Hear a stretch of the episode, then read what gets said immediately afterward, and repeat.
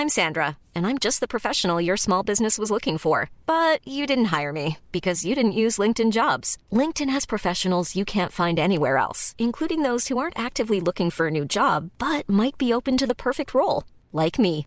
In a given month, over 70% of LinkedIn users don't visit other leading job sites. So if you're not looking on LinkedIn, you'll miss out on great candidates like Sandra. Start hiring professionals like a professional. Post your free job on linkedin.com/people today.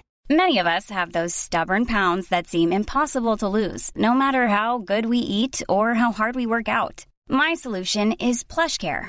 PlushCare is a leading telehealth provider with doctors who are there for you day and night to partner with you in your weight loss journey. They can prescribe FDA-approved weight loss medications like Wagovi and Zepbound for those who qualify. Plus, they accept most insurance plans. To get started, visit plushcare.com slash weight loss. That's plushcare.com slash weight loss. Da er det på tide med et sponsa innslag om regnskap. Det har vi snakka om mange ganger før, men det er så utrolig viktig. Så det er en sånn ting som ikke kan bli sagt mange nok ganger. Og som du kanskje har hørt på podkasten før, så har vi et samarbeid med TrippelTex, som er et stort norsk regnskapsprogramselskap som gjør det mulig for deg å gjøre det meste sjøl. Jeg vokste opp med regnskap og har det nesten i blodet. Og, og regnskap er en sånn ting som historisk sett har vært utrolig dyrt. Med TrippelTix gjør du brorparten av arbeidet sjøl, systemet gjør resten, og det blir billig og enkelt. Så sånn som dette systemet er bygd opp, så er det modulbasert. Så det du trenger, betaler du for, og det du trenger, blir automatisert for deg. Spesielt det som er viktig, er jo selvfølgelig kommunikasjonen opp mot Altinn, opp mot uh, Brønnøysundregisteret. Det er alltid et mareritt å fylle ut skjema. TrippelTex gjør det for deg. Har du lyst til å legge på ansatte, så legger du på moduler for det. Har du lyst til å legge på mer kompleksitet, så legger du på moduler for det. Og det er det fine med de her moderne regnskapssystemene. Det er at du betaler for det du får, og det er det TrippelTex er. Et moderne regnskapssystem. Hvis du har lyst til å prøve TrippelTex, så kan du få eh, 14 dager gratis prøve på trippeltex.no gratis. Og det staves trippel, altså T-R-I-P-L-E-T-E-X.no gratis. Så da får du prøve hvorfor eh, hva er 70 000 kunder, og alle de her tingene kan ramse opp av lønnssystemene og alt mulig. Du skjønner hvorfor folk bruker det. Eh, da er det slutten på det her sponsa innslaget. They mistook leverage for genius. Leverage for genius. I would recommend Japan. The governments don't rule the world. Goldman Sachs rules the world. Det her er episode 194 av podkasten 'Tid er penger', en podkast med Peter Warren. Jeg heter Sverre, er produsent, og i dag skal vi snakke om markedet, om Skan-konferansen, mer om markedet, og går inn på forskjellige temaer. Det er bare å gå i gang, tror jeg. Ny uke. Hva du skal gjøre med all fritida du får i dag, når du nettopp oppdaga at det var stengt i USA? jeg, tror, jeg tror jeg kommer til å Jeg tror jeg ikke har noe problem med å fylle den, for å si det på, det, på den måten. Men uh, det blir vel, det, det blir vel uh, noe mer lesing, tenker jeg, og kanskje en enda lengre tur med hunden. Jeg vil anbefale Estonia på HBO Max, hvis du har lyst til å kjefte på TV-en i syv timer i strekk. Det er det sykeste jeg har sett. Oi. Men la oss gå til markedet i stedet. Um, vi har starta året litt sånn som fjoråret, på en måte, at uh, det er noe ganske vanskelig det her med finans. og uh, Man går inn i året, alle er negative, og alt er, alt er svarte natter, og store meglerhus går ut nei, vi tror det skal falle. Og SEP 500 er opp. Ja, og det er mange markeder som er, bare så det er sagt. Hongkong uh, leder vel an med nesten 10% Men på, på, på, bare 14 dager. Men, men liksom hovedpunktene det er jo at det er, syns jeg, da, det er at det er rotasjon. Altså du roterer fra det som var veldig dårlig i fjor. Uh, det, det, det, gjør det bra så langt i år. Og det som gjorde det best i fjor, det har, det har liksom sunket til, til, til, til bunnen. Um, og det i seg selv syns jeg er Altså det er alltid positivt når når markeder eh, roterer, men det vi kan se av, i hvert fall hvis vi ser to, disse to ukene under ett, eh, og jeg tenker også at det kan være greit å se det under ett, slik at altså, akkurat de første dagene inn i et nytt år, så er det veldig mye som skjer pga. tegninger og innløsninger og sånt, eller spesielt nytegninger, um, som kanskje forvrenger bildet. Så hvis vi ser disse to ukene over ett, så så er det jo veldig mye grønt. Altså det er grønt det vi vil at skal være grønt. Og så, er det, så, er det, rødt, det som vi stort sett vil at skal være rødt, nemlig eh, energikostnader. Altså eh, energi, det være seg, eh, det være seg om det er, eh, om det er gass, som da er ned 23% både i Europa og i, i USA. Kullprisen er ned 14% strøm, altså nordiske strømkontrakter for, for levering i for levering i andre kvartal, ned 12% Vi vet jo at, at spotprisen også er eh, lavere. Og så er det ting som kanskje ikke er så positivt for, for, for, mange, og det er de som har lånt igjen. Altså japanske yen i forhold til dollar er blitt 2,5% dyrere i, eh, i, i, inneværende år. På, på, disse to ukene. Oslo er omtrent midt på. Men hvis vi går liksom til, til toppen av listen, så så preges jo den av at den, mest, den som i hvert fall oppfattes å være mest risikabel asset. Og jeg vil vel si at det ikke, ikke nødvendigvis er slik, da. Eh, men, men, bitcoin Bitcoin er jo opp 25% og det har sendt Galaxy, som var mange i Norge sin favoritt før den toppet ut og, og, og nærmest ble knust. Den er opp 40% på to uker, og andre selskaper da, inkludert eh, Norwegian uh, Block Exchange og, og, og, og kryptoaksjer, uh, blockchain-aksjer osv., de, er, uh, de er markert opp så langt i år. Og så, så du, du, ser en kraftig rotasjon, og den henger nok også sammen med med, med, sånne ting som at altså Hvis du ser på det amerikanske tiårige rente, så er vel den ned uh, røftlig 1 fra toppen, er den ikke det? Altså fra Toppen var vel i oktober i fjor, nå husker jeg ikke akkurat hva den var, men si mellom 0,8 og 1 Det er markert ned på norske tiåringen. Hvis du ser på uh, den ETF-en som har 20 års altså inneholder statsobligasjoner med 20 års løpetid, altså den amerikanske, den som heter TLT, den er opp 7% i år. Det er fantastisk avkastning på, på 14 dager. Hang Seng, som jeg nevnte, opp 10 Eurostox uh, er opp uh, Det er altså de 50 uh, eh, største europeiske selskapene. Er opp 10% Tyskland er opp 9% Jeg tror altså felles for de tre er at de diskonterer en, en gjenåpning i Kina. som da ikke fullt har skjedd, bare så, det, bare så det er sagt. og Amerikanske aksjer, da, SMP 500 opp 5% Det samme er verdensindeksen eh, for aksjer. Så det er jo Altså, på mange måter Jeg tror de fleste ser dette som en, som, gled, som en gledelig utvikling. Oslo Børs er da opp 0,3, så den henger etter. Men du kan si at Oslo Børs hang etter til, til, eh, til nedsiden i fjor pga. at Equinor var pga. oljeaksjer og, olje, og, oljeprisen var, var, høy. Og så får den motsatte effekten i år. Så det, så det, er, ikke, det er, ikke, veldig overraskende at, at, Oslo Børs ikke henger med disse, disse andre markedene. Men jeg syns jo at eh, for det første syns jeg rotasjon er bra, for det gir, det gir, alltid muligheter. Det gir muligheter for de som for guds skyld vil ut av dette fortsatt. Men hvis du ser til uh, kanskje krypto og bitcoin spesielt, der var det så ensidige dommedagsprofetier. Eh, og spesielt, spesielt etter at eh, FTX eh, gikk over ende, at der, der, tror jeg rett og slett den, den siste pessimist kom, altså solgte seg ned. Jeg husker ikke hva som var lowen i bitcoin, men jeg mener at den var ned på 16 000-tallet. Og i hvert fall i løpet av helgen så var den oppe i 21 000. Hvor den er nå, det vet jeg ikke, men, men jeg tipper at den er, er over, over, 20 000 i hvert fall. Så nå ser du jo, til tross for f.eks. Goldman Sachs, da, som tok, jeg tror, på sin digitale nå vet jeg ikke om den bare omfatter krypto. Den, antageligvis er det, er det, mange andre ting som lå i den digitale satsingen til, uh, til Goldman. Men de tok, jo, de tok jo 3 milliarder dollar tap der. Men Eh, som vi opplyste om bare for ja, en uke eller to siden, så, så annonserte de at, de at de, fortsatte å, å, å, kjøpe seg opp i den sektoren. Så alt i alt så vil jeg jo si at både, både det at det roterer og det at man får litt pusterom og kanskje klarer å tenke seg om litt, grann, alt, alle de tingene er positivt for, for markedet. det, Noe av det verste som skjer, er når er, når, når det bare går én vei og fortsetter å gå den veien. Spesielt hvis det er til nedsiden og du er long. Da er liksom det helt grusomt. Du får aldri en sjanse til å justere deg eller et eller annet sånt, for du håper hele tiden at du skal få gårsdagens pris. Og så er dagens pris lavere, og så tenker du ah, kanskje går bedre i morgen, og så kommer du da til morgendagen, og så er det videre ned, og da håper du at du skulle fått dagens pris, ikke sant, uh, tilbake.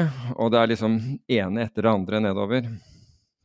Jeg leste for øvrig en sånn veldig ærlig um, sak i, uh, i, DN i helgen hvor en som hadde kjøpt uh, bitcoin på et veldig tidlig tidspunkt, jeg mener at det var så tidlig som i 2006, og så um, etter hvert belåner, men, men altså, jeg tror sikkert vedkommende har Tror du mener Tesla? Unnskyld. Unnskyld, jeg mener Tesla. Du har helt rett. Det var, det var Tesla. Men i hvert fall klare altså Setter dette i hus, og så gjør jo en del ting med, med, med pengene. Men fordi det er belånt, når dette begynner å falle, så blir man tvunget til å selge på stadig lavere kurser. Og, og det gjør at vedkommende blir rett og slett uvel. Og det kan jeg godt forstå. Fordi eh, det er ekstremt tøft når verdiene dine blir, blir eh, mindre og mindre eh, etter hvert som det går. Og nå skal, ikke, nå skal, vi snakke om Skagen-konferansen etterpå, men Mohammed Al-Elerian snakket jo der bl.a. om det der å, å unngå liksom de, disse At det var viktig å unngå uh, sånne ting som på en måte hadde, hadde, stor materiell negativ betydning for deg. At, liksom, at man måtte fokusere på å prøve å, å, å, hedge det, da, eller på en eller annen måte ha en, en disiplin rundt det. Og den, den historien som vi ble fortalt gjennom, eh, gjennom, DN, er er jo, Jeg tror at det eh, vedkommende opplevde der, er det som veldig mange andre opplevde eh, i fjor.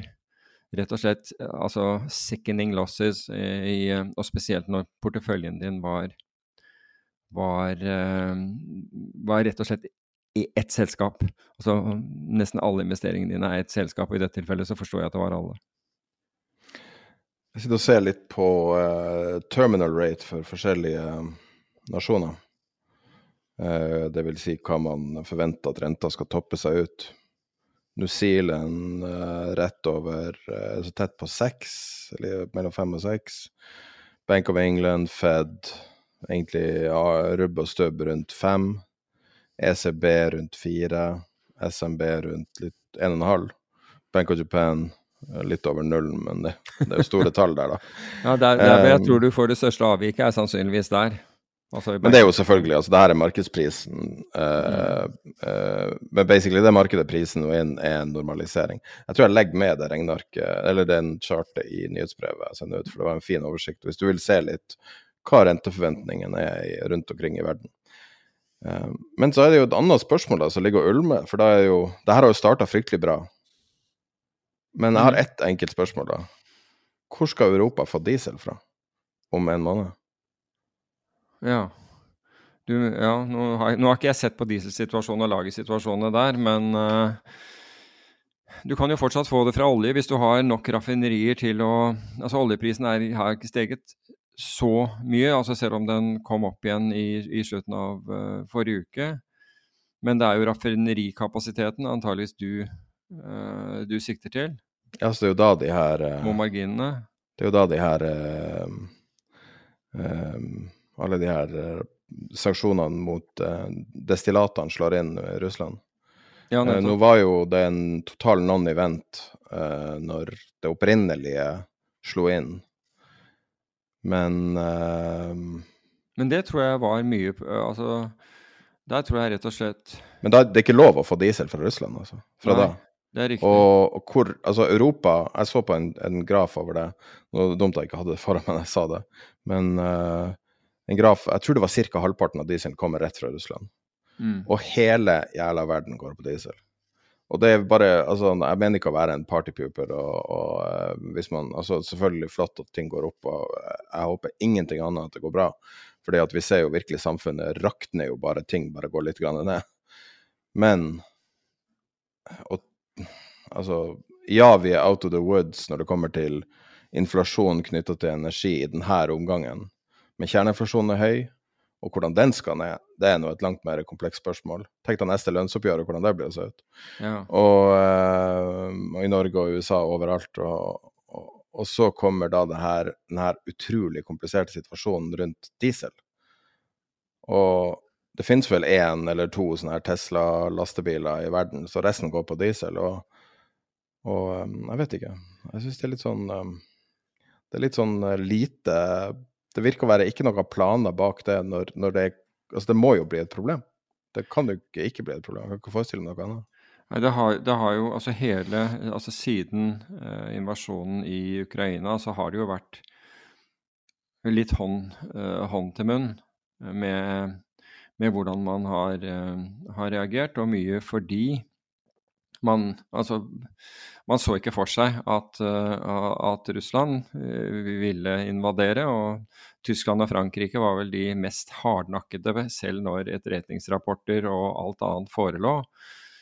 Som, som, da var helt sikre på at ikke det ville skje. Om det var, for Tysklands del var, var positiv tenking fordi de, for konsekvensene for dem ville være så enormt store takket være eh, den eh, avhengigheten de hadde gjort seg av Russland. Jeg vet ikke, men de var jo på en måte de siste til å, til, til å forstå at, at, at det, det, det, skjedde.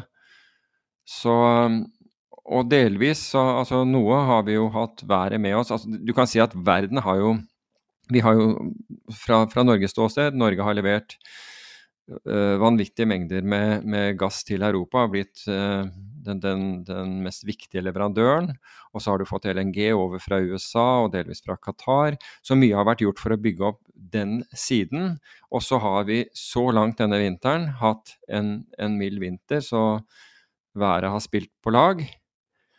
Og så på den andre siden så har da russerne Jeg må jo si at de har um, deres eh, mottrekk, bl.a. i forhold til olje, altså det at man ikke skulle eh, importere eh, Man skulle slutte å importere russisk olje eh, totalt sett. Altså russerne satt ikke stille og ventet på at det skulle bli problematisk for russerne. Tvert imot, de kjøpte seg over 100 tankere og fylte og, og leide sikkert en hel haug andre eh, for å for, for å, både for å frakte olje og ha olje i storage og kunne levere til, eh, til destinasjoner lenger unna, f.eks. India uh, og, og, Kina og andre steder i, i, i Midtøsten. Så Men det har vært veldig sånn, altså i hvert fall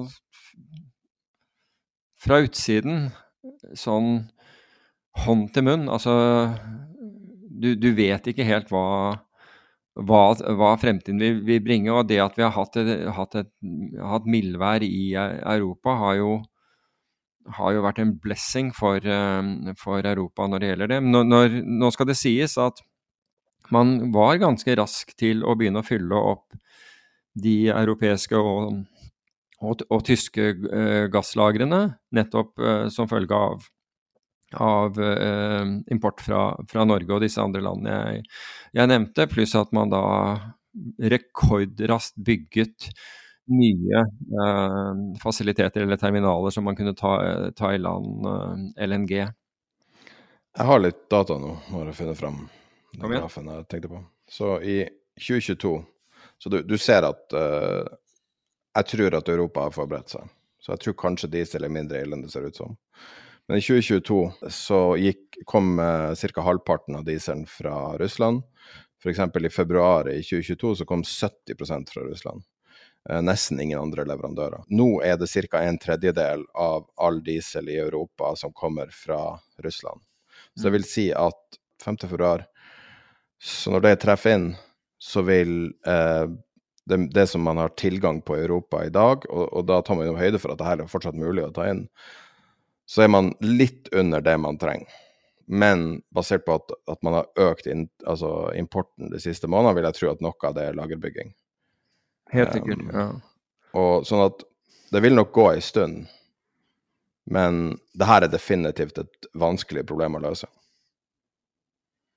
Raffineribransjen har vært truffet hardt lenge, Og um, det er noe man må Det var en, episode, en ting vi, vi, trakk fram tidlig i fjor uh, som et potensielt tema, og hadde en egen episode med Torbjørn Kjus. Så hvis du går, er på vår Patrion, så kan du gå tilbake og finne den. Mm. Det ligger også linker i, i nyhetsbrevet og i denne uh, episodeteksten. Nei, altså det er, det er ikke mangel på, uh, på utfordringer. Og nettopp pga. de store utfordringene som er, så er jeg forbauset over hvor mange eh, analytikere sånn generelt i finansmarkedet som kun forholder seg til finans um, og, og, økonomi, og hvor lite man, tid man synes å vie til disse strukturelle skiftene uh, som, uh, som, har oppstått, først og fremst da pga. Av, uh, av krigen i Ukraina det er rart at man ikke vier mer tid til, eh, til det, altså til den situasjonen verden befinner seg i. fordi det er, det er ikke bare at vi har en, en, krig i Europa, men det er jo liksom betydningen, altså hva dette Altså virkningene dette altså Selv om krigen sluttet i morgen, så vil vi ikke gå tilbake igjen til normalen, fordi vi har lært at eh, vi har lært hva den sårbarheten kan, kan bety, og, og hva, den, hva den påfører oss. Så det forbauser meg egentlig at man liksom Ok, det foregår en krig i Ukraina når den er ferdig. Altså alt skal, alt skal liksom bare fortsette.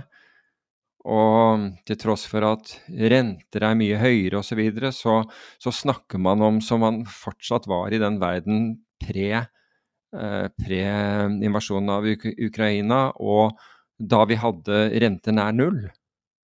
Um, og, og, der på en måte mister du meg litt, altså når, uh, når Og jeg skjønner det at, at, at, folk håper på det. Og hjernen vår er jo sånn at vi forsøker å At hvis det er at vi, vi, at vi bruker sånne heuristikker, altså prøver å komme Vi vil gjerne ha, ha det behagelig. Så disse tingene som er tøffe og vons, vanskelige og vonde å tenke på, de, de prøver vi å bruke minst mulig tid på, så prøver vi å finne en enkel løsning på det. Og Den enkle løsningen er at vi, er, at vi, at vi skyver det til side, og så tror vi at, at markedene egentlig vil være akkurat som før. Det er bare et tidsspørsmål, så er de akkurat det samme. Det er jo ikke det. Det ser du jo bl.a. På, på, på nå hvor vi ser tegn til økende arbeidsledighet. Ikke bare innenfor finans, men også innenfor andre næringer hvor man begynner å si opp mennesker. Vi er i ferd med å altså er, Det er et skift som foregår. Hvis vi ikke tar hensyn til det skiftet, men velger hele tiden å være i la-la-land, så kommer vi til å gjøre, vi til å gjøre eh, de samme feilene som vi gjorde i 2022, nemlig bare lukke øynene for det klare varselet fra sentralbanken, den klare kommunikasjonen fra sentralbankene, nemlig at kvantitative lettelser skulle slutte, og rentene ville bli satt opp ytterligere. Det så man vekk på, og brukte akkurat de samme, de samme tallene. Og så jøss, yes, hva skjedde der? Og det, det, altså, det der forbauser meg. Men det er det jeg opplever. Altså jeg, de aller fleste analyser jeg, jeg, jeg, leser, hensyntar ikke alvoret og endringen i situasjonen og det faktum at de forskjellige store nasjonene i i verden, eller verdensdelene om man vil, kan ikke godt kalle det det, har, har unike og ulike problemer. Nei, altså det er, det er som vi, vi, har en global, synkron verden, og alt vil gå tilbake til der det var. Selv om Kina åpner, altså selv om de klarer å komme gjennom der og, og gradvis åpner, ja, det, det, du kan regne med at det har en betydning uh, for både for tilbud og etterspørsel, for shipping, for råvarepriser osv. Ja, helt enig. Men, men, disse dynamikkene, altså disse forskjellige tingene, vil påvirke, det, påvirke oss på ulik måte. Det, de vil ikke, det kommer til å ta lang tid, dessverre. Jeg skulle ønske at jeg hadde bedre nyheter. Men uh, før vi går inn i en sånn sy synkron verden igjen. Det ligger langt fram, altså, dessverre. Eh, hva du syns om eh, Det er jo litt sånn på sida av det her, men altså alt det her henger jo sammen. At Obos eh, sliter med å selge boliger. Vet ikke om du så det på NRK i går? Nei, de brenner men... inne med boliger som de driver og bygger nå for 14 milliarder kroner. Det hadde vi vel en samtale om Og jeg hadde i hvert fall en debatt om det. Den, den, tror jeg den gikk, gikk vel på, på, på, Twitter, hvor, hvor også veldig kjente størrelser fra eiendomsmarkedet meldte seg på banen. og da sa at det var ikke noe problem, for da, det bare satt man på. Fordi, og så ventet man til, til prisene kom opp igjen. Og min take av det er den derre selvfølgen av at um, det, er, det, er, bare kort tid, så, så vil alt være, være normalt igjen. Nå, nå, er ikke jeg noen ekspert på eiendomsmarkedet, bare så det er sagt. Men den ståltroen, altså rett og slett fordi deres avkastningskrav var sånn 10-15% og det var liksom i et marked hvor du har 2 rente, så var avkastningskravet 10-15% Så det vil de bare sitte på. Og så tenker jeg at vil, vil de det? Nå, nå, så ikke jeg den, den, i går, og det kan, kan være at den, den, har på en måte normalisert denne det jeg, det jeg nå sier. Men hvis du har det lengre du sitter altså I et stigende rentemarked så har du økte kostnader for hver eneste dag. Du har kostnader, men, men faren for også at de øker ved at renten settes ytterligere opp. Og da er jo den ventetiden kan bli utrolig kostbar. Og det er ikke gitt altså Det er ikke sånn at det er en menneskerett å få 10, ha 10-15 eh, avkastningskrav på, på bolig. Det er akkurat som jeg kan ha hvilket som helst avkastningskrav på, på min finansportefølje, men det betyr jo ikke at markedet gir meg det. Det er jo forskjellen. Men her er man sånn helt overbevist at det er, det er, sånn det har vært de siste ti år. Jeg skjønner det. Det var ti år med sentralbankstimulanser. Men det er ikke bare ti år? Nei, du har hatt det lenger. For, for er hele mitt liv. Det er nesten, nesten fra den dagen jeg er født. Jo, men du er antakeligvis født, født omtrent da renten var på topp? Ja, og jeg er født eh, noen my måneder point. etter renten toppa ut. Ok, men my point exactly. Altså Siden det og frem til i fjor, så har renten stort sett gått én vei, nemlig nedover. I, altså Den har gått i nesten rett strek nedover. Ja. Og husker den grafen jeg refererte til på noen hund, på par hundre år? Jeg snakka ganske mye om den for tre-fire-fem uker siden. Som viser Jeg kan legge den med i nyhetsprøve også, for for meg var det en skikkelig åpenbaring. Som viser da en rekke verdier over tid. Og for meg så er det så utrolig tydelig at prisen på bolig er en relativt statisk ting. Det du betaler, altså din, din månedskostnad for, for, å bo et sted, er stort sett det samme over tid. Men det som forandrer seg, er prisen på penger. Og mm. det er jo det som er det store spørsmålet, da. Hva vil skje med prisen på penger? For vi ser jo nå at det var tydeligvis nok boliger i Oslo. fordi det er jo masse boliger du ikke klarer å selge nå. Så det som har forandra seg, er jo at prisen på penger har forandra seg. Mm. Også litt de vaner man har lagt seg. Altså Ungdommer bor jo nå sånn som på, på kvaliteter som har forbeholdt rike mennesker på 90-tallet. Altså kvaliteten på boligen har gått så opp, ikke sant? så kravene mm. våre har gått så opp. Og det er jo fordi at med billigere penger så kan man tillate seg å ha høyere krav. Mm. Jeg er enig i det. Um, altså, det er jo ikke, det er ikke bare at prisen på penger har gått opp, men, men, men prisene generelt stiger kraftig. Og det gjelder også skatter og avgifter som stiger kraftig, og som gjør at og du kan si at det resulterer i, i, i, i prisen på penger. Jeg kan for så vidt være med på det.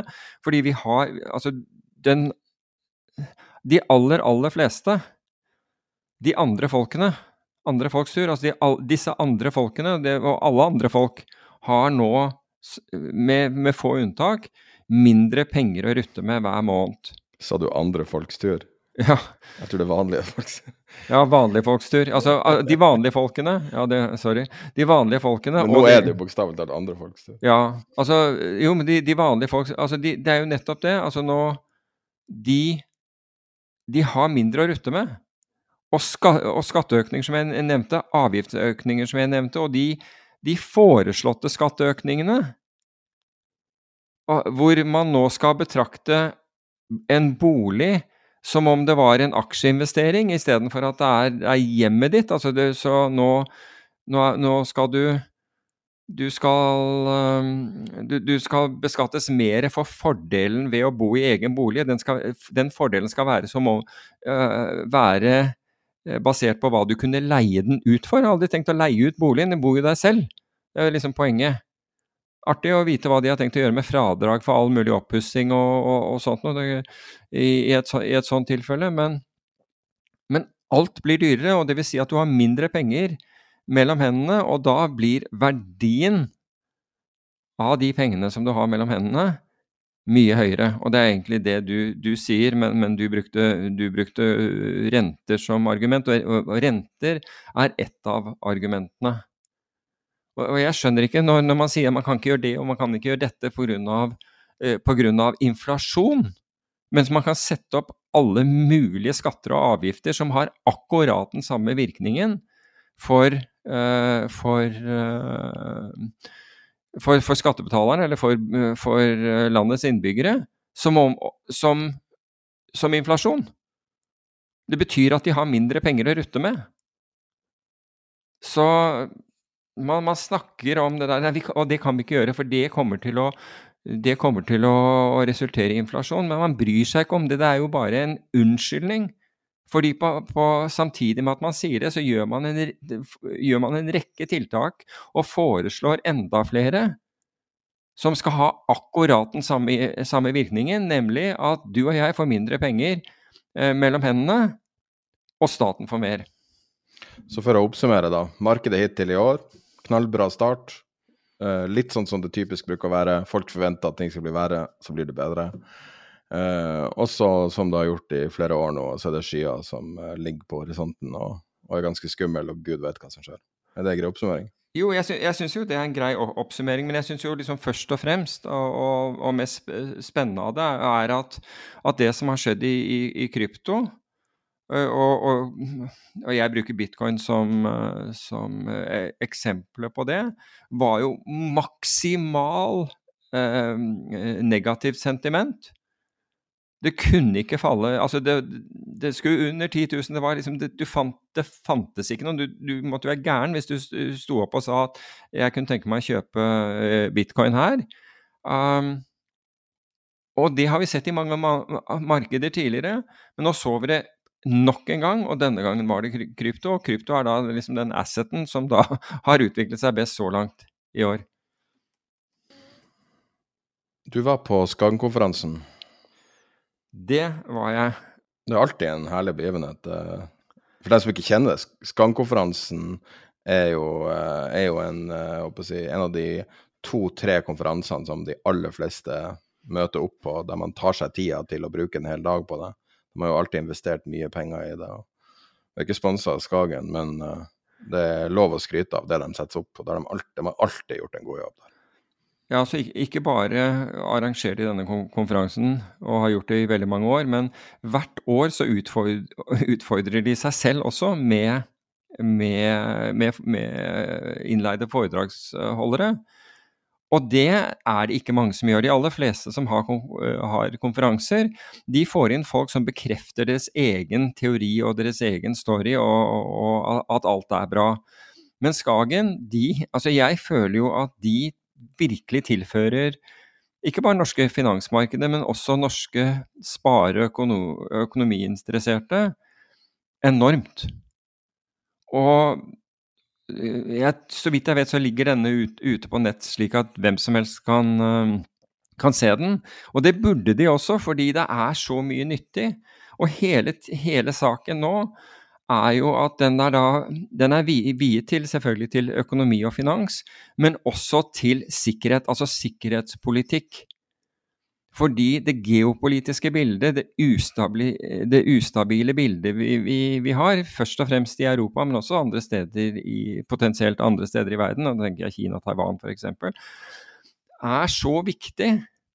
Og det er at man vil at investorene, og spare alle, skal på en måte være klar over kompleksiteten i det som er i ferd med å med, Eller det som utvikler seg as we speak. Jeg kommer til å legge konferansen i nyhetsbrevet, så hvis du vil play along, så kan du eh, gå inn i nyhetsbrevet og klikke rett inn og sende. Ja, det, det syns jeg absolutt uh, at, at, man burde. Så, um, Og altså, vi har liksom begrenset mye tid, men, men, jeg var så heldig at jeg fikk hilse på Elliot Higgins, eh, som er sjef for Bellingcat. Og jeg vet ikke hvor mange som hadde hørt om Bellingcat, altså nordmenn som hadde hørt om Bellingcat før, eh, før konferansen. Journalister hadde antageligvis gjort det, og selvfølgelig folk som driver med, med sikkerhetspolitikk.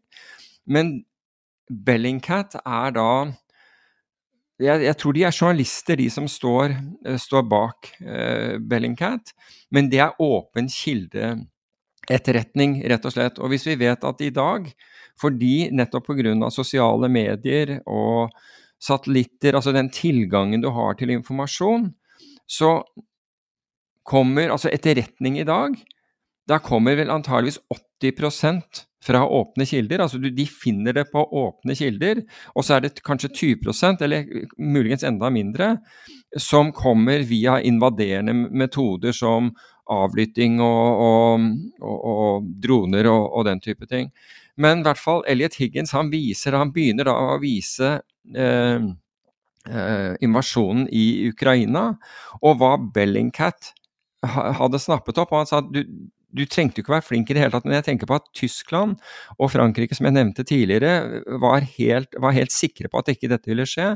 Så la folk ut tonnevis av TikTok, altså videoer på TikTok og andre steder av den russiske troppoppbyggingen. Så du kan si at du kunne med åpne kilder Vi hadde jo de lukkede kildene. Du hadde jo altså amerikanske, amerikanske etterretning som advarte mot det. Det samme gjorde britiske, som da mente at dette, dette skulle skje.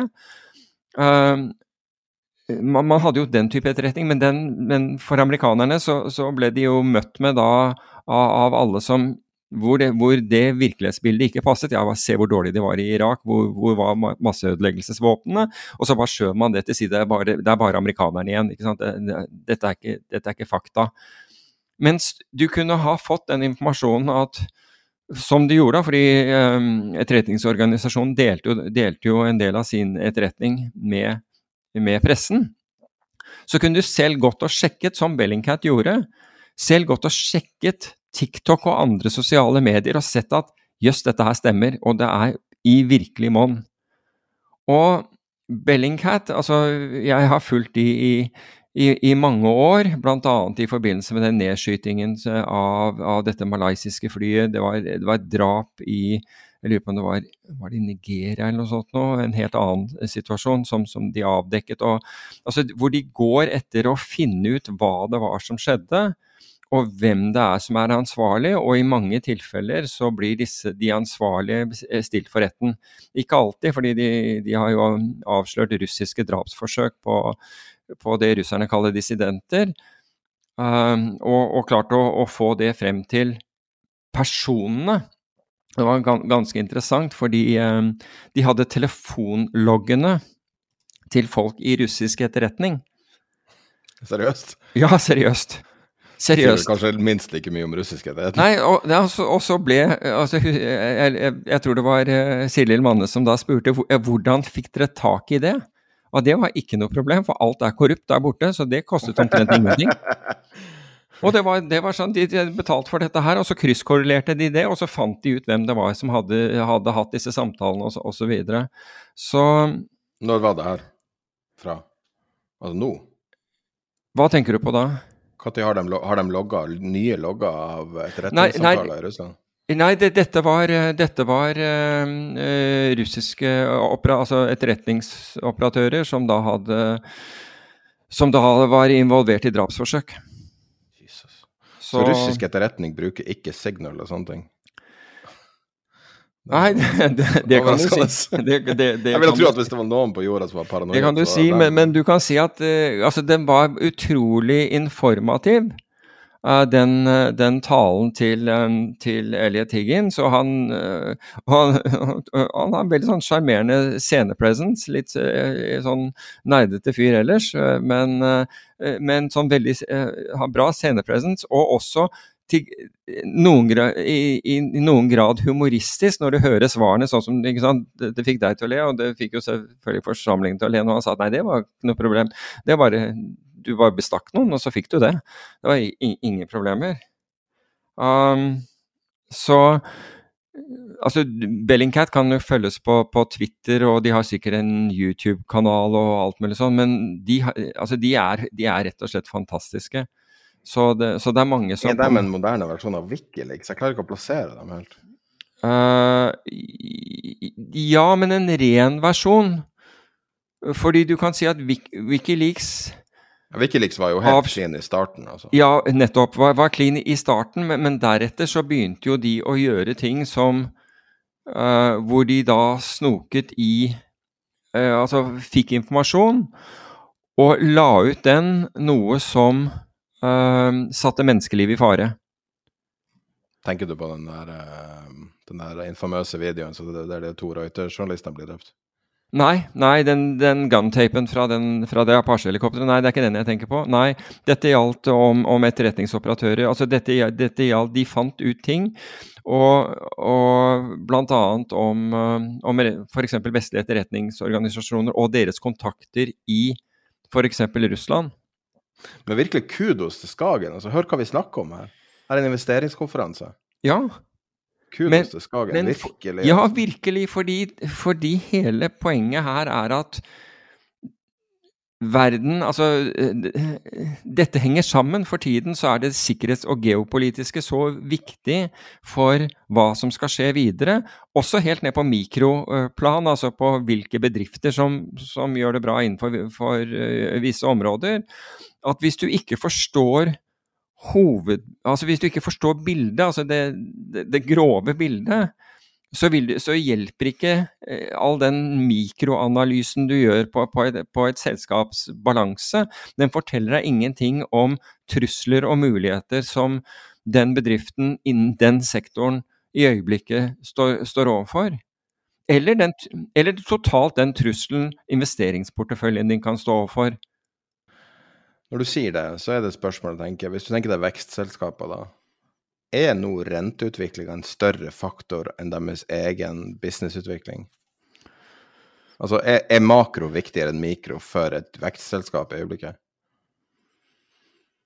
Um, mak makro på den måten, og, og nå snakker du om renten altså som eks eksempel på makro, eller snakker du om geopolitikk som eksempel på, på makro? Nei, altså nei, da er det bare rente. Altså for at bare renten. alt ja, koker altså, jo ned til diskontering av, uh, av cashflow. Liksom. Ja, det gjør. Altså, hvis, hvis, du, hvis, vi konsentrerer oss om renten, så vil jeg si at svaret er ja. Og årsaken til det er at det, den har så stor betydning for fremtidig eh, for verdsettelsen av fremtidig kontantstrøm, altså det høyere rente bedriften må betale, eller det høyere alternativ kost eller muligheter som investor har, det vil spille en rolle i hvor attraktiv øh, den, den, mulige fremtidige kontantstrømmen du skal øh, klare å produsere, vil være. Hvis renten er null, så blir, og dette var også Elerian, Mohammed Elarian inne på, i, som også da var en av foredragsholderne på, på Skagen-konferansen. Han er også inne på dette hvor, hvor null rente misprices alt, ikke sant? Fordi du, du kan ikke prise risiko når renten er null. Og er den under null, som den var for, for i mange land, så er det jo enda vanskeligere. For da betales du for å låne penger. Får jeg lese opp noen sitater fra Charlie Munger og uh, Warren Buffett om det her? Mm. Jeg, det føl jeg kom til å tenke på noe når vi sa det her. For jeg brukte ordet 'discounted cash flows'. tenkte jeg på et sitat. Charlie Munger, det var et, eh, et, foredrag de hadde i lag. Some of the worst business decisions I've seen came with detailed analysis. The higher math was false precision. They do that in business schools because they gotta do something. Uh, Warren often talk about these discounted cash flows, but I've never seen him do one. If it was perfectly obvious that it's going to work out well if you do the calculation, then it tends to just go on to the next idea. Also, say Warren Buffett, uh, true, it's true. If the value of a company doesn't just scream at you, it's too close. det var jo veldig godt oppsummert, egentlig. Det er jo men, men, Jeg vet ikke om det var relevant, egentlig. Men det var, nei, men det, det, er, det er jo, jo, men det er jo relevant. Altså, hvis, hvis renten er null, så, så, Hvem var det som sa det? Det var Buffett som sa den siste. Hvis renten er null, så, så, så er det jo feil i det resonnementet hans. Men med en gang du har, du har, en cost of money, så er det jo riktig det han sier. Ikke sant? Da, it must scream at you for at du, altså, du, skal være villig til å ta risiko. Og den høyere den pengekosten er, eller din alternative plasseringsmulighet er, det, det, det bedre må, den, må, må utsiktene være. Med andre ord, du, du, må ha det billigere, eller utsiktene må være vesentlig bedre enn en noen, noen, forstår. Det er, jo, det er, jo, sånn det er. Um, ja, det, det bare også slo meg for øvrig, altså bare tilbake igjen til, uh, til uh, Skagen, fordi du hadde Fiona Hill, som har vært i National Security Council i USA. Hun er jo opprinnelig engelsk, uh, eller britisk, og så, og så, flytter hun til, til USA, og, så, og så, så blir hun da en av altså presidentens sikkerhetsrådgivere, så hun hadde jo da møte med Trump. Hun fortalte om det. Hun for øvrig vitnet mot ham i den, et, i den uh,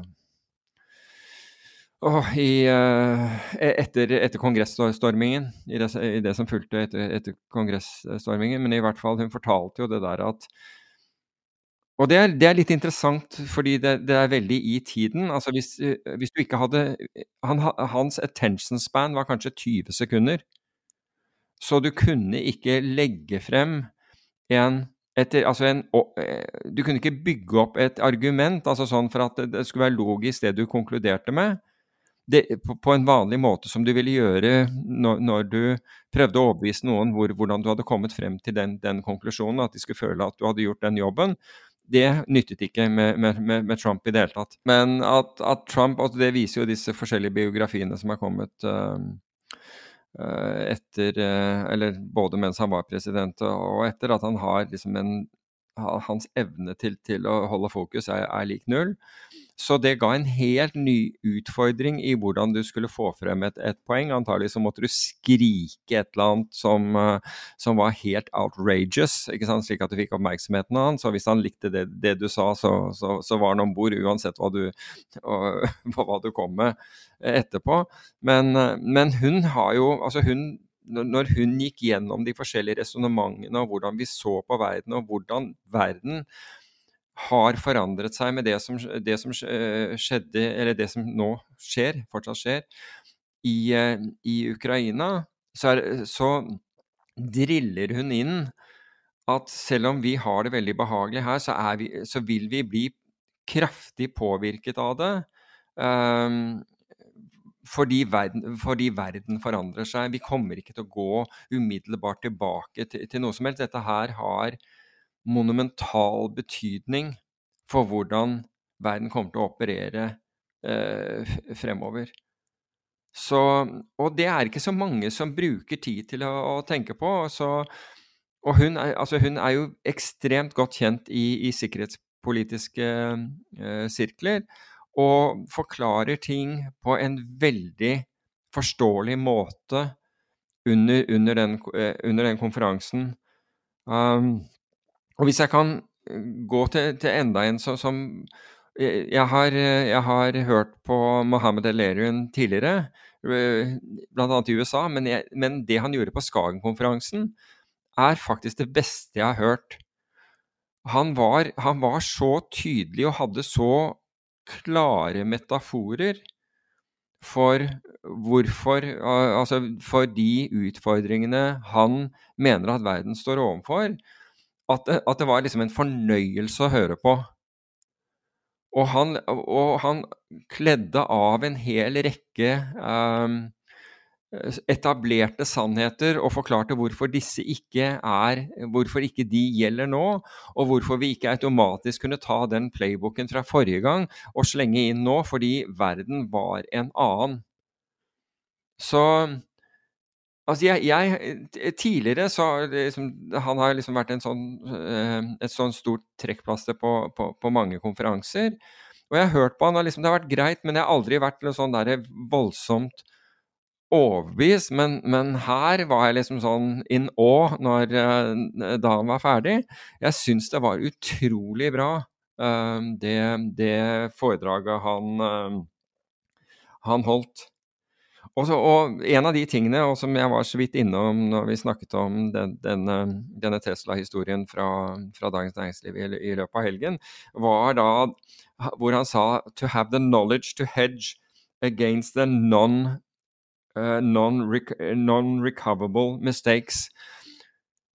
Og, og der, altså der ser du hvor ofte noen satser alt på ett kort uten å ha en tanke for at Eller nødvendigvis kunnskap om, dessverre, om at deler av den risikoen, og kanskje hele den risikoen, kunne ha vært sikret på en måte. Det finnes instrumenter som kunne liksom beskyttet deg mot, uh, mot et, et, et, et, veldig dårlig utfall. Og hvis du gjør det på et tidlig tidspunkt, for du tenker at det, det kan være greit å ha en sikring, der i tilfelle alt går galt, så koster den veldig mye mindre enn, enn, når, når, enn det en brannforsikring vil koste deg når huset ditt står i, i, i, i full fyr. Så, å, så han, han, han, klarer å veve inn eh, veldig brukbare sånne one-liners inn i, inn i, i, uh, i sine fortellinger, da. Og blant annet så var han inne på, vi har snakket om det før, men han, han, får det frem mye bedre, at det er altså når det gjelder At du må huske på at det er ikke bare destinasjonen. Altså den destinasjonen du har med dine investeringer, om det er at du skal gå av med pensjon, eller at du skal på et eller annet tidspunkt, og, og du håper at, uh, at, kontoen din skal være så stor når, når du gjør det. Men at det er like viktig at du, at du, tar hensyn til the journey, altså reisen dit. Og jeg har også sett det så mange ganger at folk har hatt en veldig god plan, men den har vært så volatil, altså det har skjedd ting underveis som gjør at de klarer ikke å holde seg til planen, rett og slett pga. volatiliteten, altså fordi det, det svinger for mye. Og når det først begynner å svinge, så går du på avisen og så prøver du å finne ut hvorfor gjør du det, og der stort sett så, så hører du at ingenting har skjedd, ingenting, har, altså, ingenting, nytt, det er bare å sitte, det er bare å sitte. Helt inntil ting er så fælt. Ta f.eks. i fjor, det skjedde akkurat på bunnen i fjor. Da snudde noen av de mest kjente analytikerne og strategene og sa at nå skulle du bare videre ned. Og det er klart at Hvis du har hørt på og hørt på, så gir du opp. Og så kommer rekylen oppover i, i aksjemarkedet da det skjedde. Så, og, men hvis du, hvis du er mer forberedt på reisen, hvis du sørger for at den Altså, du kan gjøre den reisen mer eller mindre behagelig. Det er, det er, hvor mye risiko du tar, og hvilke grep du tar for at du ikke skal få veldig store nedganger. da. Så er det mye større sannsynlighet at du når den destinasjonen din. Og hvis du ser på alt som skjedde i fjor, så var jo veldig mye av det som skjedde i fjor, var ting som da ikke hadde skjedd på ti år. Og vi vet hvorfor det ikke hadde skjedd på ti år, fordi sentralbankene var der. Og derfor så var det ingen som gjorde noe. Men når de først gjorde noe, det var jo akkurat Det var da rentene var på topp, altså obligasjonene var, var på bånn, og aksjemarkedet var på bånn, da skulle det videre. Da skulle renten videre opp, aksjer skulle videre ned. Og så hopper man ut av det spareprogrammet eller hva som helst, det man hadde tenkt å gjøre. Rett og slett, for nå gjelder det bare å redde redde seg den som kan. Så the journey er, altså both matter. Journey and destination. Both matter, som, som han sa, og det er, det er utrolig sant. Så um, så hadde Ida Wolden Bakke altså Det er klart at du, du, hun, hun, holdt et, et, foredrag da om, um, om uh, oljefondet. Nicolai Tangen var til stede, for øvrig. Um, og hun sier i, i det så kommer hun med, med, med en par, uh, par, interessante ting. og Den ene er at volatility is the normal state of financial markets. Og det er det mange som ikke tenker på. At svingninger er, det er normalt. Og vi har nå hatt en lang periode før 2022 hvor det var veldig lite svingninger, og dermed så forsvant den vissheten, eller den kunnskapen, kall det troen, om, om at det kunne bli ubehagelig. Men det er the normal state. Når sentralbanker ikke griper inn, så er det det the normal state. Fordi vi som mennesker vil alltid overdrive. Overdrive vår atferd. Vi overdriver til oppsiden ved at altså Ta f.eks. Eh, eh, teknologi og ny teknologi og alt det der som skjedde, og, og gjerne også ta med, ta med, krypto. Vi blir mer og mer ekstreme.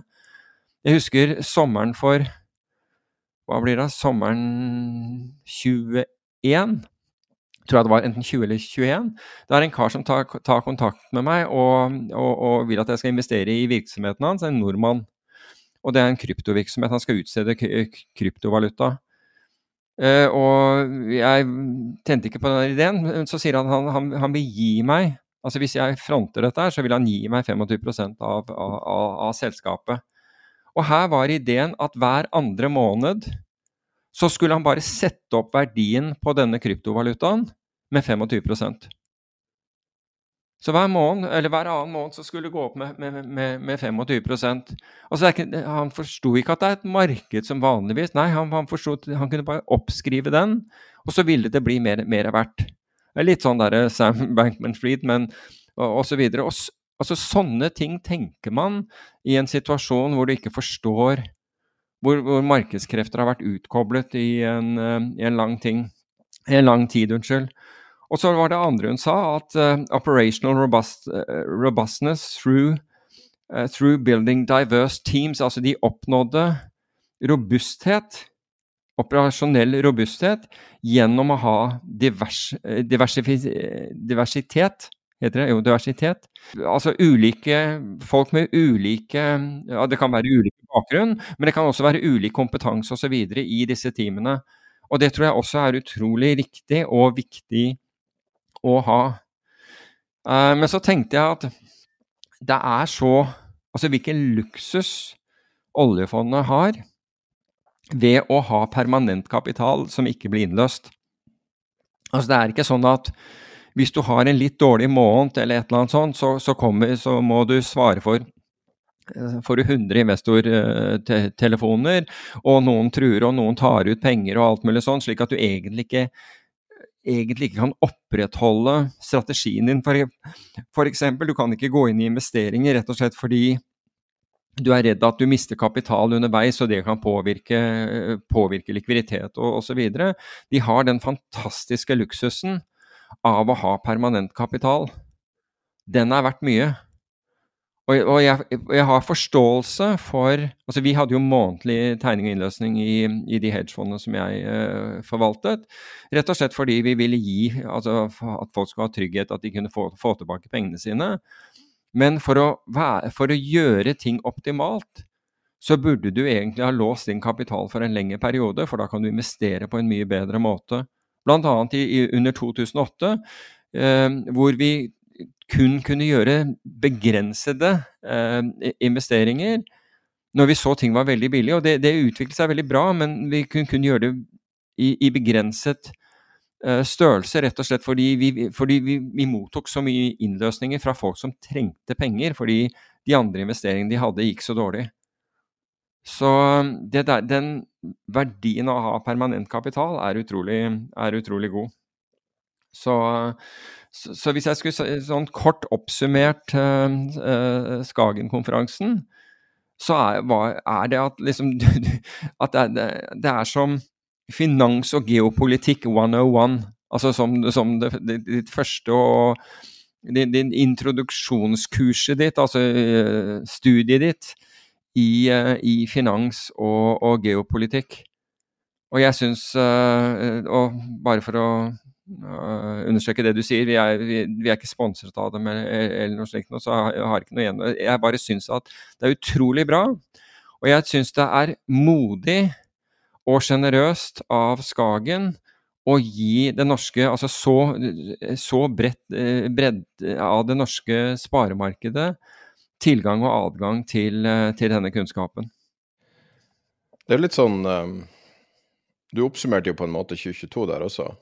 Hvis du ser liksom tilbake Nå har vi jo sett tilbake for så vidt tidligere, men det er jo mye, liksom, det er mye lærepenger for 2022 der også at eh, altså, De fleste hadde jo aldri hørt ordet geopolitikk før det her styret i, i Ukraina. Mm. Og og vi begynner å skjønne her, de her lange strømningene og de her, de her sterke kreftene som er i spill. Og nå når økonomien krymper, så ser vi også hvor mye mer press det er overalt.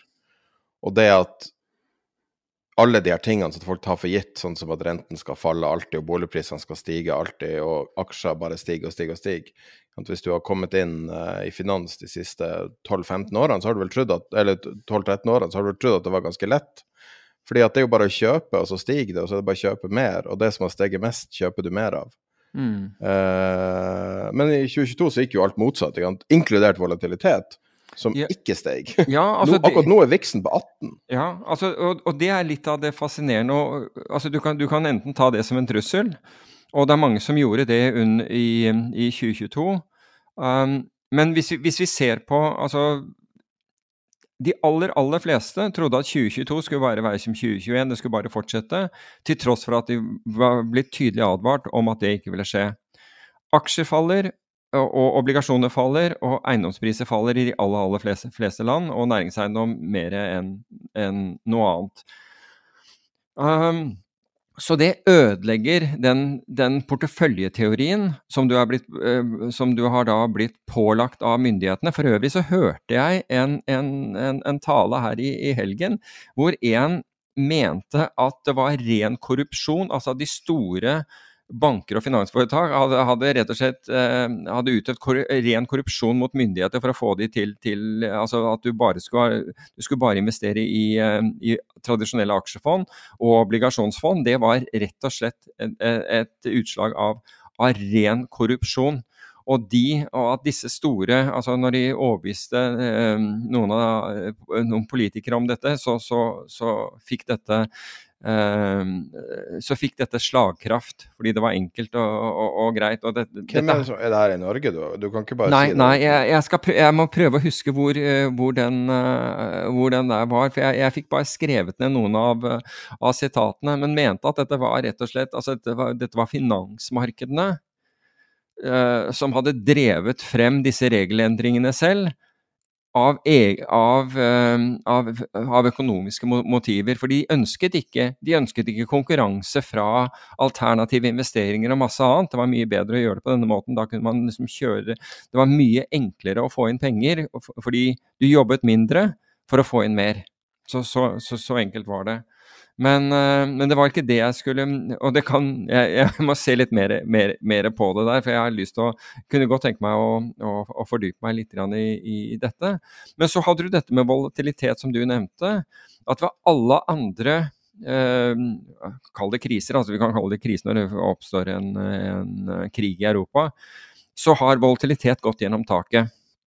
eh, på aksjer. Nå gikk jo volatilitet gjennom taket på obligasjoner, riktignok, som som, du, som riktig var, fordi de hadde forholdsmessig De største bevegelsene var i obligasjoner, altså var kursfallet i obligasjoner.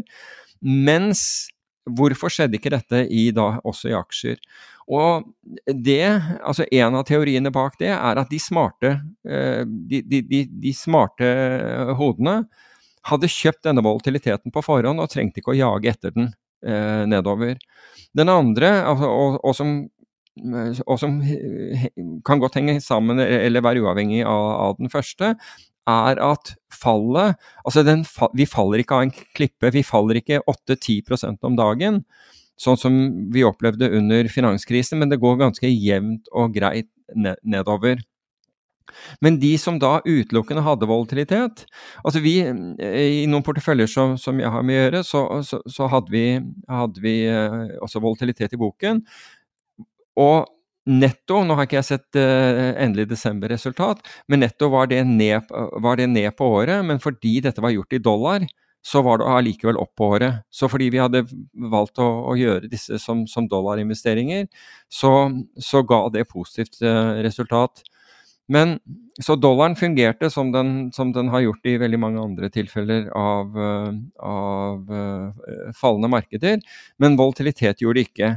Men hva var det som virket i 2022, som helt klart også virket i 2008? Og det var trendfølgende fond. Rene trendfølgende fond, altså det som kalles CTA-er, rene trendfølgende fond, de, de slår den ut av parken.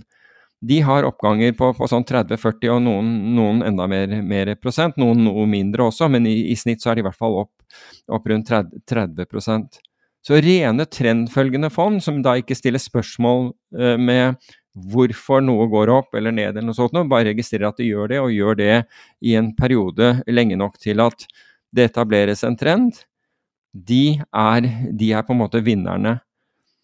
Men altså, det som skjedde etter 2008, var at, det, at, markedene ble ganske vanskelige for dem. Og så begynte folk å, å trekke seg tilbake. Altså Investorene begynte, begynte, å ta ut penger. Noen av disse fondene endret strategiene sine, altså oppdaterte strategiene sine med at markedene virket på en litt annen måte, og klarte å seile gjennom det, det, det veldig tydelig. Men at the end of the day, da, så hvis du hadde, hvis du hadde i porteføljen din både Eh, både volatilitet og trendfølgende fond, som er jo egentlig ting som, som de aller fleste ikke har, altså vanligvis har adgang til. fordi volatilitet vil du antagelig skaffe deg altså Du kan jo handle det selv hvis du er, er flink nok. Eller så må du bruke hedgefond som, som uh, spesialiserer i det, noe som betyr at du, at du må klare å finne frem til de fondene. Men hadde du de, og, og CTA-er får du ikke lov å investere i med mindre du er en profesjonell investor, men hadde du de to tingene i porteføljen din, så var du sannsynligvis opp på året i fjor. Så igjen så er det disse, disse tingene som blir på en måte etter hvert utesluttet. Men lærdommen er at diversifisering at Skal du diversifisere slik at du ikke taper penger, eller i hvert fall har minimalt med, med, med, tap når det går dårlig, så må, så må, diversifiseringen din være mer enn aksjer og obligasjoner. Det tror jeg vi kan, jeg vi kan være eh, enig i. Og så har du da Hva annet kan vi lære av i fjor? Jo, det dukket opp Altså, se hvor fort den krisen kom i Storbritannia med pensjonskassene Uh, som hadde da brukt swapper istedenfor å kjøpe obligasjoner. Og hvorfor var det? Jo, det var fordi de var engstelige for at de ikke skulle få ha nok avkastning til å betale sine pensjonister. Så de hadde giret eh, porteføljene sine og plassert da i mer risky assets i, i, i tillegg. Og så kommer da bevegelsen i, uh, i uh, britiske renter og britiske statsobligasjoner som gjør at hvis ikke sentralbanken hadde reagert, så hadde vi hatt en ny finanskrise. Men heldigvis for alle så reagerte jo Bank of England umiddelbart og fikk dempet den. Kan, bare, kan, vi gå tilbake til vold bitte litt? Du hoppa over til eh, LDI. Uh, eh, jeg tror, tror, det er en ganske enkel forklaring på hvorfor volden er lav. Av samme grunn som at volden var lav på veien opp. Det var en jevn tilførsel av penger i, i 12-13 år. Også i fjor begynte man å jevnt trekke det tilbake. Vil ikke det være en sånn voldkiller begge veier? Jo, altså du, du, kan si at hvis det er jevnt, så vil det jo det. Hvis, hvis det foregår jevnt.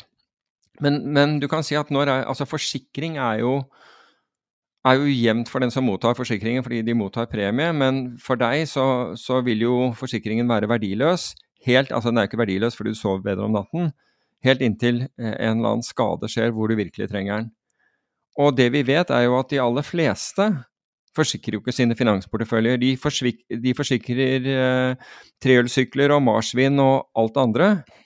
Men, eh, men eh, pengene sine, det er, det, er, det er, ikke noe vits i å, å forsikre. Og der, Derfor så er det jo gjerne et voldsomt forsikringsbehov når det går, går, gærent. Men kanskje fordi det gikk gærent med alle samtidig, jeg vet ikke. Men det, det plutselig enorme behovet altså De som hadde de mest belånte porteføljene, hadde tydeligvis klart å skaffe seg eh, sikring på forhånd, eller, hadde, eller, klarte å komme seg ut av sine posisjoner. For det, det ble ikke den voldsomme volatilitetsspiken som vi opplevde i eh, 98 2001 og, og 2008. Men det er jo fordi at triggeren er annerledes. Det må jo være det. Ja. Triggeren i, i 87 var jo eh, Altså på en måte var det vel portfolio insurance, og i 2000 ja. Mm. ja og, i, og, så hadde du eh, Asiakrisa som kom ut av det blå med LTCM og alt sammen. Og så hadde du Og det resulterte i Ja, altså triggeren i form av tid, tenker du på? Fordi Nei, altså, så jeg prøver bare å si hva som er triggeren. Og så ja, triggeren i .com var eh, drastisk eh, overvurdering av verdiløse selskaper, der bare noen trakk ut tropper. I 2008 så var det eksplosjonen i finans, som er alltid en veldig destruktiv ting. Mens denne gangen så var det jo det at sentralbanken kontrollert trakk ut tropper, og slapp ut litt og litt vann gjennom hele året. Kan være. Jo, det, altså det, det, er, det, er, det, er, en grei forklaring. Jeg er helt enig. Men jeg, ja, men jeg var forbauset over at, at selv de flinke gutta på, på, volatilitet ikke klarte å monetize den. Altså den var for liten til å monetize den volatiliteten som de, eh, som de kjøpte. Slik at de gikk på altså veldig moderate tap, for all del. Uh, men, uh, men, du hadde jo håpet at, at, det skulle dekke opp, opp uh, tapene f.eks. du hadde i, uh, i, aksjemarkedet. Men det som, det, eneste, altså der, det som dekket opp det helt klart i fjor, det var, det var trendfølgende fond. Det, det, virkelig gjorde det, fordi det var jevnt og greit og trenden fortsatte, og dermed så tjener de penger. Det spiller ingen rolle om det går opp eller ned, bare gå jevnt og langt. Ja. Hvorfor er det egentlig sånn, historisk sett, at aksjefond bare kjøper aksjer. De har, ikke, mandat, de har ikke lov til annet. Altså, ja, det vet, jeg, men, men, det vet jeg. Men hvorfor er det? Det, det irriterer meg når jeg ser en forvalter som er flink i Norge, som jeg vet er flink, og så sitter de bare og er heiagjeng på at, ting, at tidevannet skal stige. Sikkert alle gjør det, men man ser det av og til. Så bare sånn Altså hvorfor? Altså, du, hvorfor, hvorfor, binde bein, hvorfor binde en armen bak ryggen? Liksom? Jeg forstår Fordi det er mye mer krevende. Du må lære deg mye mer hvis du skal, hvis du skal kunne håndtere den andre siden av, av, av bildet også, med andre ord at det, kan, at det kan falle. Hvis du skal gjøre det, så må du sette deg inn i andre typer finansielle instrumenter og er, er forberedt på det. Hvis alt, altså, hvis det alt handler om at, at du kun er med tidevannet, så, så, slipper du å liksom å da, da, da, kan du bare ligge på tidevannet hele tiden. Det er en mye enklere altså Du kan si at hvor mye jobber du for pengene? Jeg skal love deg en hedgefondforvalter jobber veldig mye hardere for pengene enn en long only-forvalter. For long only-forvalteren slipper å tenke på, på, på, på trend og, og, og, risk og, og stopplosser og, den type ting. Og altså, så er det tilbake det, men... til LDI, det du snakka om, ikke sant? Ja du, du, får jo sånn, du kan jo få en, en blow-up, og du kan se så dum ut fordi at hvis du tar feil, så er det så synlig. Ja. Og nå, og, og nå dukker det opp liksom flere sånne finansielle produkter som, som vi, vi, ikke har sett siden 2008. Og som da liksom og Dette er jo banker og altså de største finansforetakene som, som står i. Du ville jo ikke trodd, altså som, som da rating agencies har, har, godkjent. Altså du putter bare mer Du putter masse dritt inn i én portefølje. Og så sier du at fordi det er så mye dritt inni så får, så får du diversifisering, og dermed så er det trippel A. Det er liksom sånn For eksempel? Ja, altså collateral fund obligations, altså hvor, du, hvor det er rett og slett uh, da, da putter du illikvide fond, en hel serie med illikvide fond, inni en struktur, og så utsteder du obligasjoner på den. Så du sier at du, du gjør nesten identisk med det man gjorde med de dårlige lånene, illikvide dårlige lån under finanskrisa, ja. og putta det i en basket, og får det rata fordi at du får eh, diversified. Og, eh, og så tar du helt illikvide P-fond som har blitt kritisert hele året for å være overprisa, ja. og så selger du det som et fond. Ja, og så selger du det, og så utsteder du obligasjoner på det. Hvem kjøper det? Ja, det, Dette kjøres ut, altså siden dette er uh, investeringsbanker som står, står, bak, så kjøres dette da ut til pensjonsfond og, og andre. Hmm. Så um, det er Jeg tror uh, FT har skrevet om det, når jeg tenker meg om. Uh, det har de helt sånn, sikkert. Det har de sikkert. Det, men det er jo det som er så skummelt. det der. Jeg har tenkt mye på det her, um, det her eksempelet som Harald Eia har brukt tidligere når han skal snakke om hva, hvorfor vekst er viktig. Og det er det der at uh, alle får omtrent like stort kakestykke som prosentmessig, men hvis veksten reverseres eller stopper, så blir det du får, mye mindre. Du får mm. mindre å spise, og så begynner alle å krangle med hverandre. Det er vel ikke helt tilfeldig at vi har den største politiske katastrofen i Norge på, i moderne tid, akkurat samtidig som markedet butter. Nei, det vel, altså, henger vel sammen, de her tingene? Det, det gjør de jo, opplagt gjør de det. Altså, men det skal sies for den, altså, til, til, forsvar, som vi ikke har gjort veldig mye av, for, det, for, den, for den, sittende regjering, er at de, de har jaggu fått eh, en del utfordringer.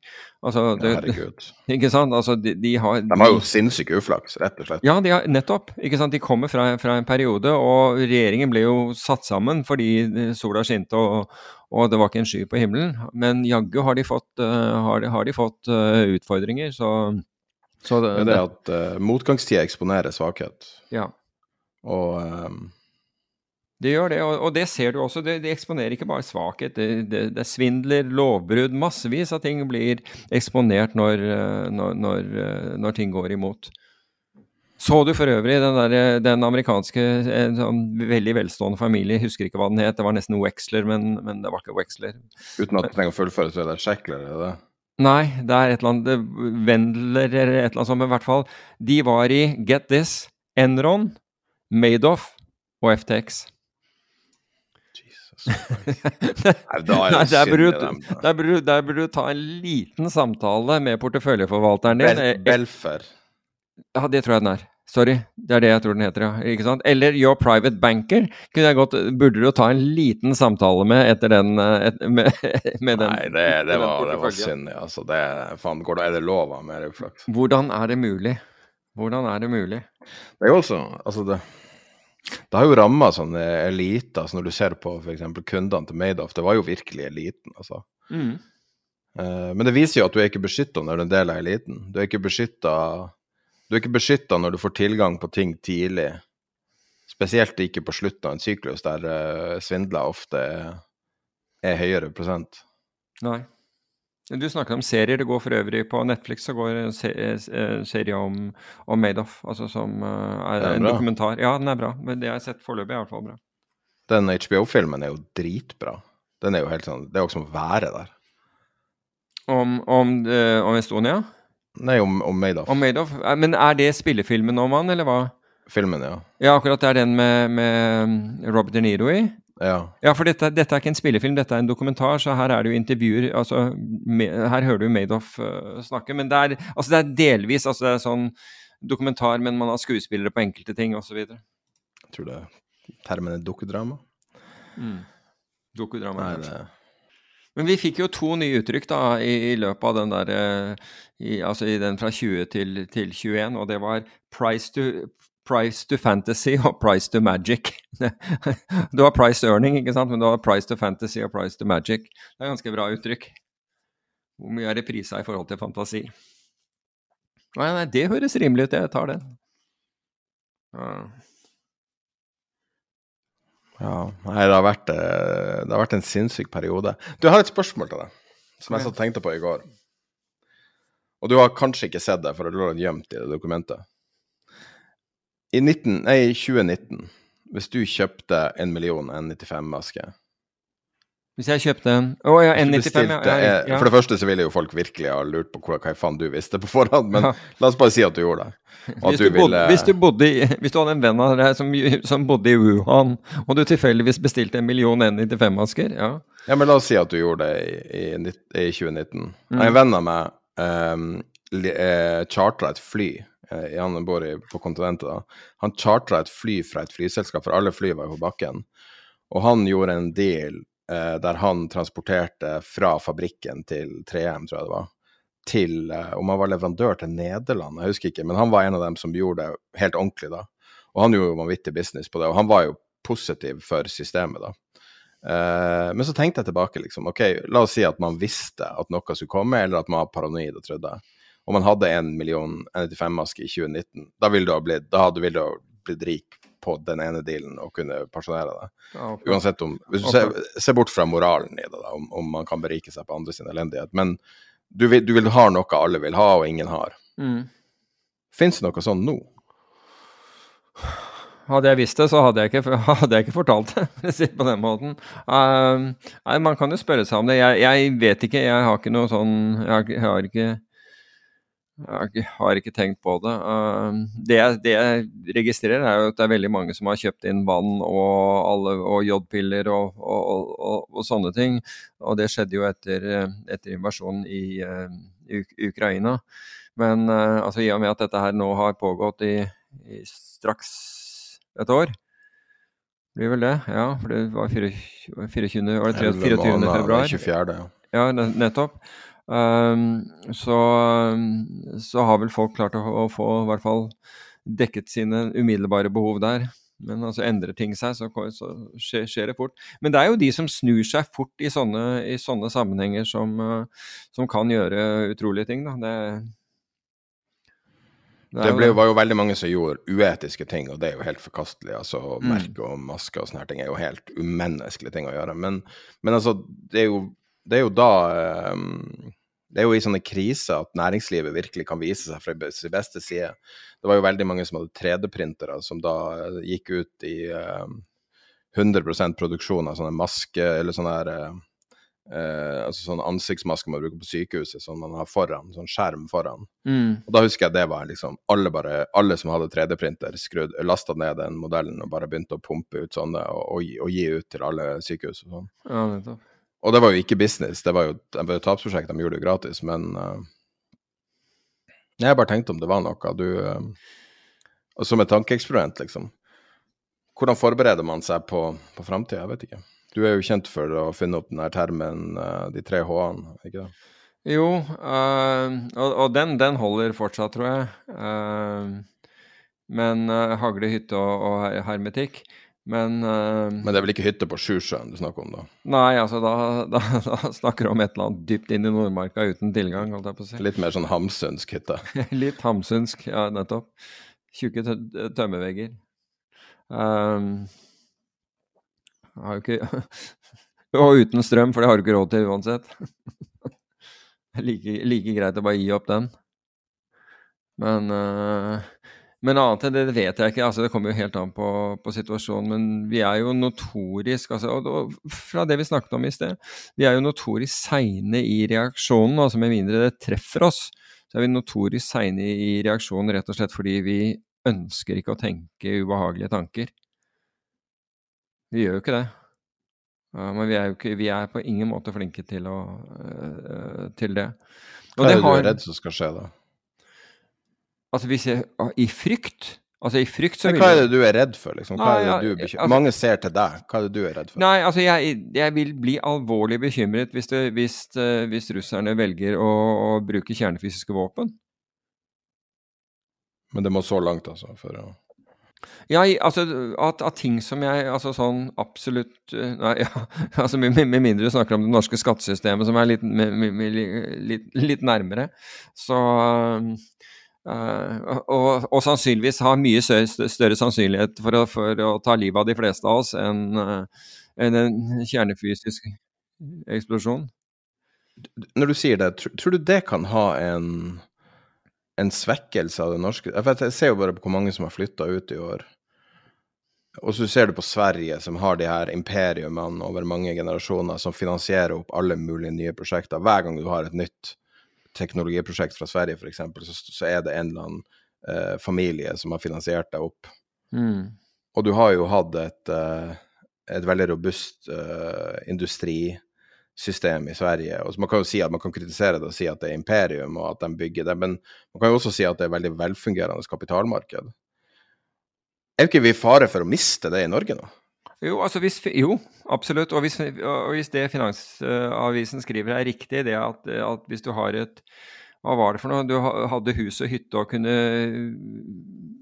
belage deg på hva var det det var, da? I, tenker på Støre-skatten? Ja, nettopp. Altså 850 000. 850 000 kroner i året i eiendomsskatt, formuesskatt osv. Altså, da gjelder det å flytte fort. Da skal jeg love deg at alle de som har flyttet nå, altså allerede har flyttet, de, de, er vinnerne. For det kommer til å komme en absolutt kollaps i eiendomsmarkedet hvis, uh, hvis, hvis det der blir en realitet. For da er det ingen som har råd til å være her, og da gjelder det bare å, å flytte før Altså, du gjelder å ikke være sist. Så da må du komme deg av gårde. Så Norge ble det en game of hot potato nå? Nice. Det kan fort bli det. Det kan fort bli det. Hvis de regnestykkene der var riktige, så kan det fort bli det. For da, da, da, snakker du ikke om folk med milliardformuer altså, som ønsker å flytte. Da snakker du om, om folk med vesentlig mindre penger som har, har, behov for å komme seg ut av, av, av landet. Vi, vi, vi, så vel en, en som Var ikke fra Grimstad?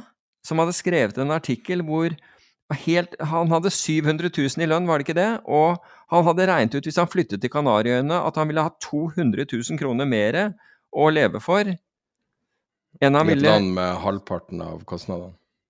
Ja, En, han, han ville hvis han fortsatte å bo i Norge. 700 000 i formue. Han ville ha 200 000 kroner mer, mer å leve for på, på Kanariøyene. Nei, altså, jeg, har mista all tiltro til norske institusjoner. Altså, det er bare militæret igjen, og, og dem er nå også litt sånn svekkende. Så nei, jeg, jeg, skjønner ikke at Jeg skjønner ikke helt lenger hva som er argumentet for at man på død og liv skal være i Norge. Annet enn språket. Altså, man snakker språket, liksom. ja. Nei, det, man kan alltids lære seg spansk, liksom. Og, og um, altså, det er så deprimerende å se at hvert eneste hver eneste ting går feil vei. Men det er vel det at kaka blir mindre, sånn at uh, det blir mer fight om restene. Ja. Selv om Hva var det det vi så i dag? Uh, uh, eh, Forventa at Norge skulle gå med overskudd uh, på um, Hva det heter det analyseselskapet? Ja, Woodmac. Woodmac. Woodmac 200 milliarder eh, dollar mener han man Var ikke det? At uh, ja, man skulle få i år. Eller var det 200 milliarder kroner? Jeg er ikke sikker på. Jeg. 200 milliarder dollar. Var det det? Ja, riktig. Det er Wood McKenzie. Gass og olje i år. Så bare, mm. ja. Er det, er det, jeg forstår ikke hva altså den her uh, den her inflasjonen som man blir trua med hver gang det skal brukes penger på noe som, som ikke er i et partiprogram. Er det, Men det er staten som... som skal ha pengene, det, det, er, det er ikke innbyggerne. Det, skal, det er staten som skal, skal, bestemme over oss. Det er, det er jo det man, man, forsøker. Men når du sitter på en nedbetalt bolig til 15 millioner nå, f.eks., som er typisk kanskje eldre par, mm. det, er ikke, det, er jo ikke, uvanlig nå. Tenk deg det livet du kan leve med det. Ja. Du kan leie bolig resten av livet og bo i en ny by hver uke hvis du vil. Altså, ja, hvis du, hvis du selger og flytter, mener du? Ja. ja altså du må, gjøre, du må bare gjøre det altså Du må bare satse på at Ja, for, for at uh, eller, altså Hvis du blir boende her, så må du satse på at døden kommer før skatten. Begge kommer. Ja, begge kommer. Men uh, du må håpe at døden kommer før skatten, for ellers så, ellers så sitter du vel der under i, i teltet ditt i Nordmarka. Det, men du, du, da, har du noen gang vurdert å Jeg vet at du har stilt deg spørsmålet før, men jeg stiller det igjen. Nei, altså, ja, jeg gjorde det under, under finanskrisen, kun for at eh, for da var jeg i utlandet, og, de, og det var, var, akkurat da eh, han eh, var det, Michaelsen i, i Arbeiderpartiet for, foreslo da en egen, egen, skatt for finans. fordi man skulle Jeg stilte deg samme spørsmål for ja. så lenge siden, altså, og da sa du det samme. ja, og, men har du tenkt siden da? Ja, altså, Da jeg leste regnestykket i dag så må jeg si at da, da, da, kom den tanken tilbake. For første gang. Ja, alvorlig talt. Alvorlig talt. Og da skjønner du hvorfor folk har hast med å komme seg ut, altså. Så um, Og nå i den verden som vi befinner oss nå, som er da altså Med elektronisk eh, tilknytning, så kan du være hvor, hvor som helst i verden. Jeg har ikke møtt deg på mange måneder ja, nettopp. nettopp. Jeg tror de fleste tror at vi sitter i samme rom og tar opp, men ja. vi gjør ikke det. altså. Vi har ikke engang på webkamera. Nei. Her er i praksis en telefonsamtale. Men da kan vi kanskje runde av episoden. Ja. Sorry på litt uh, depressiv avslutning, men uh, man blir helt gal av å lese nyhetene om dagen, så Men hvis, men da... hvis lytterne klarer å beskytte, be, beskytte sparepengene sine som følge av at man har hatt en realistisk gjennomgang av, av tingenes tilstand, så er ikke imot det, for å si det på den måten. Da ses vi neste mandag, og vi, sannsynligvis legger vi ut en Patron-episode denne uka. Ha det bra. Hey, it's Paige DeSorbo from Giggly Squad. High quality fashion without the price tag. Say hello to Quince. I'm snagging high-end essentials like cozy cashmere sweaters, sleek leather jackets, fine jewelry, and so much more. With Quince being 50 to 80% less than similar brands and they partner with factories that prioritize safe ethical and responsible manufacturing. I love that. Luxury quality within reach. Go to quince.com slash style to get free shipping and 365 day returns on your next order. quince.com slash style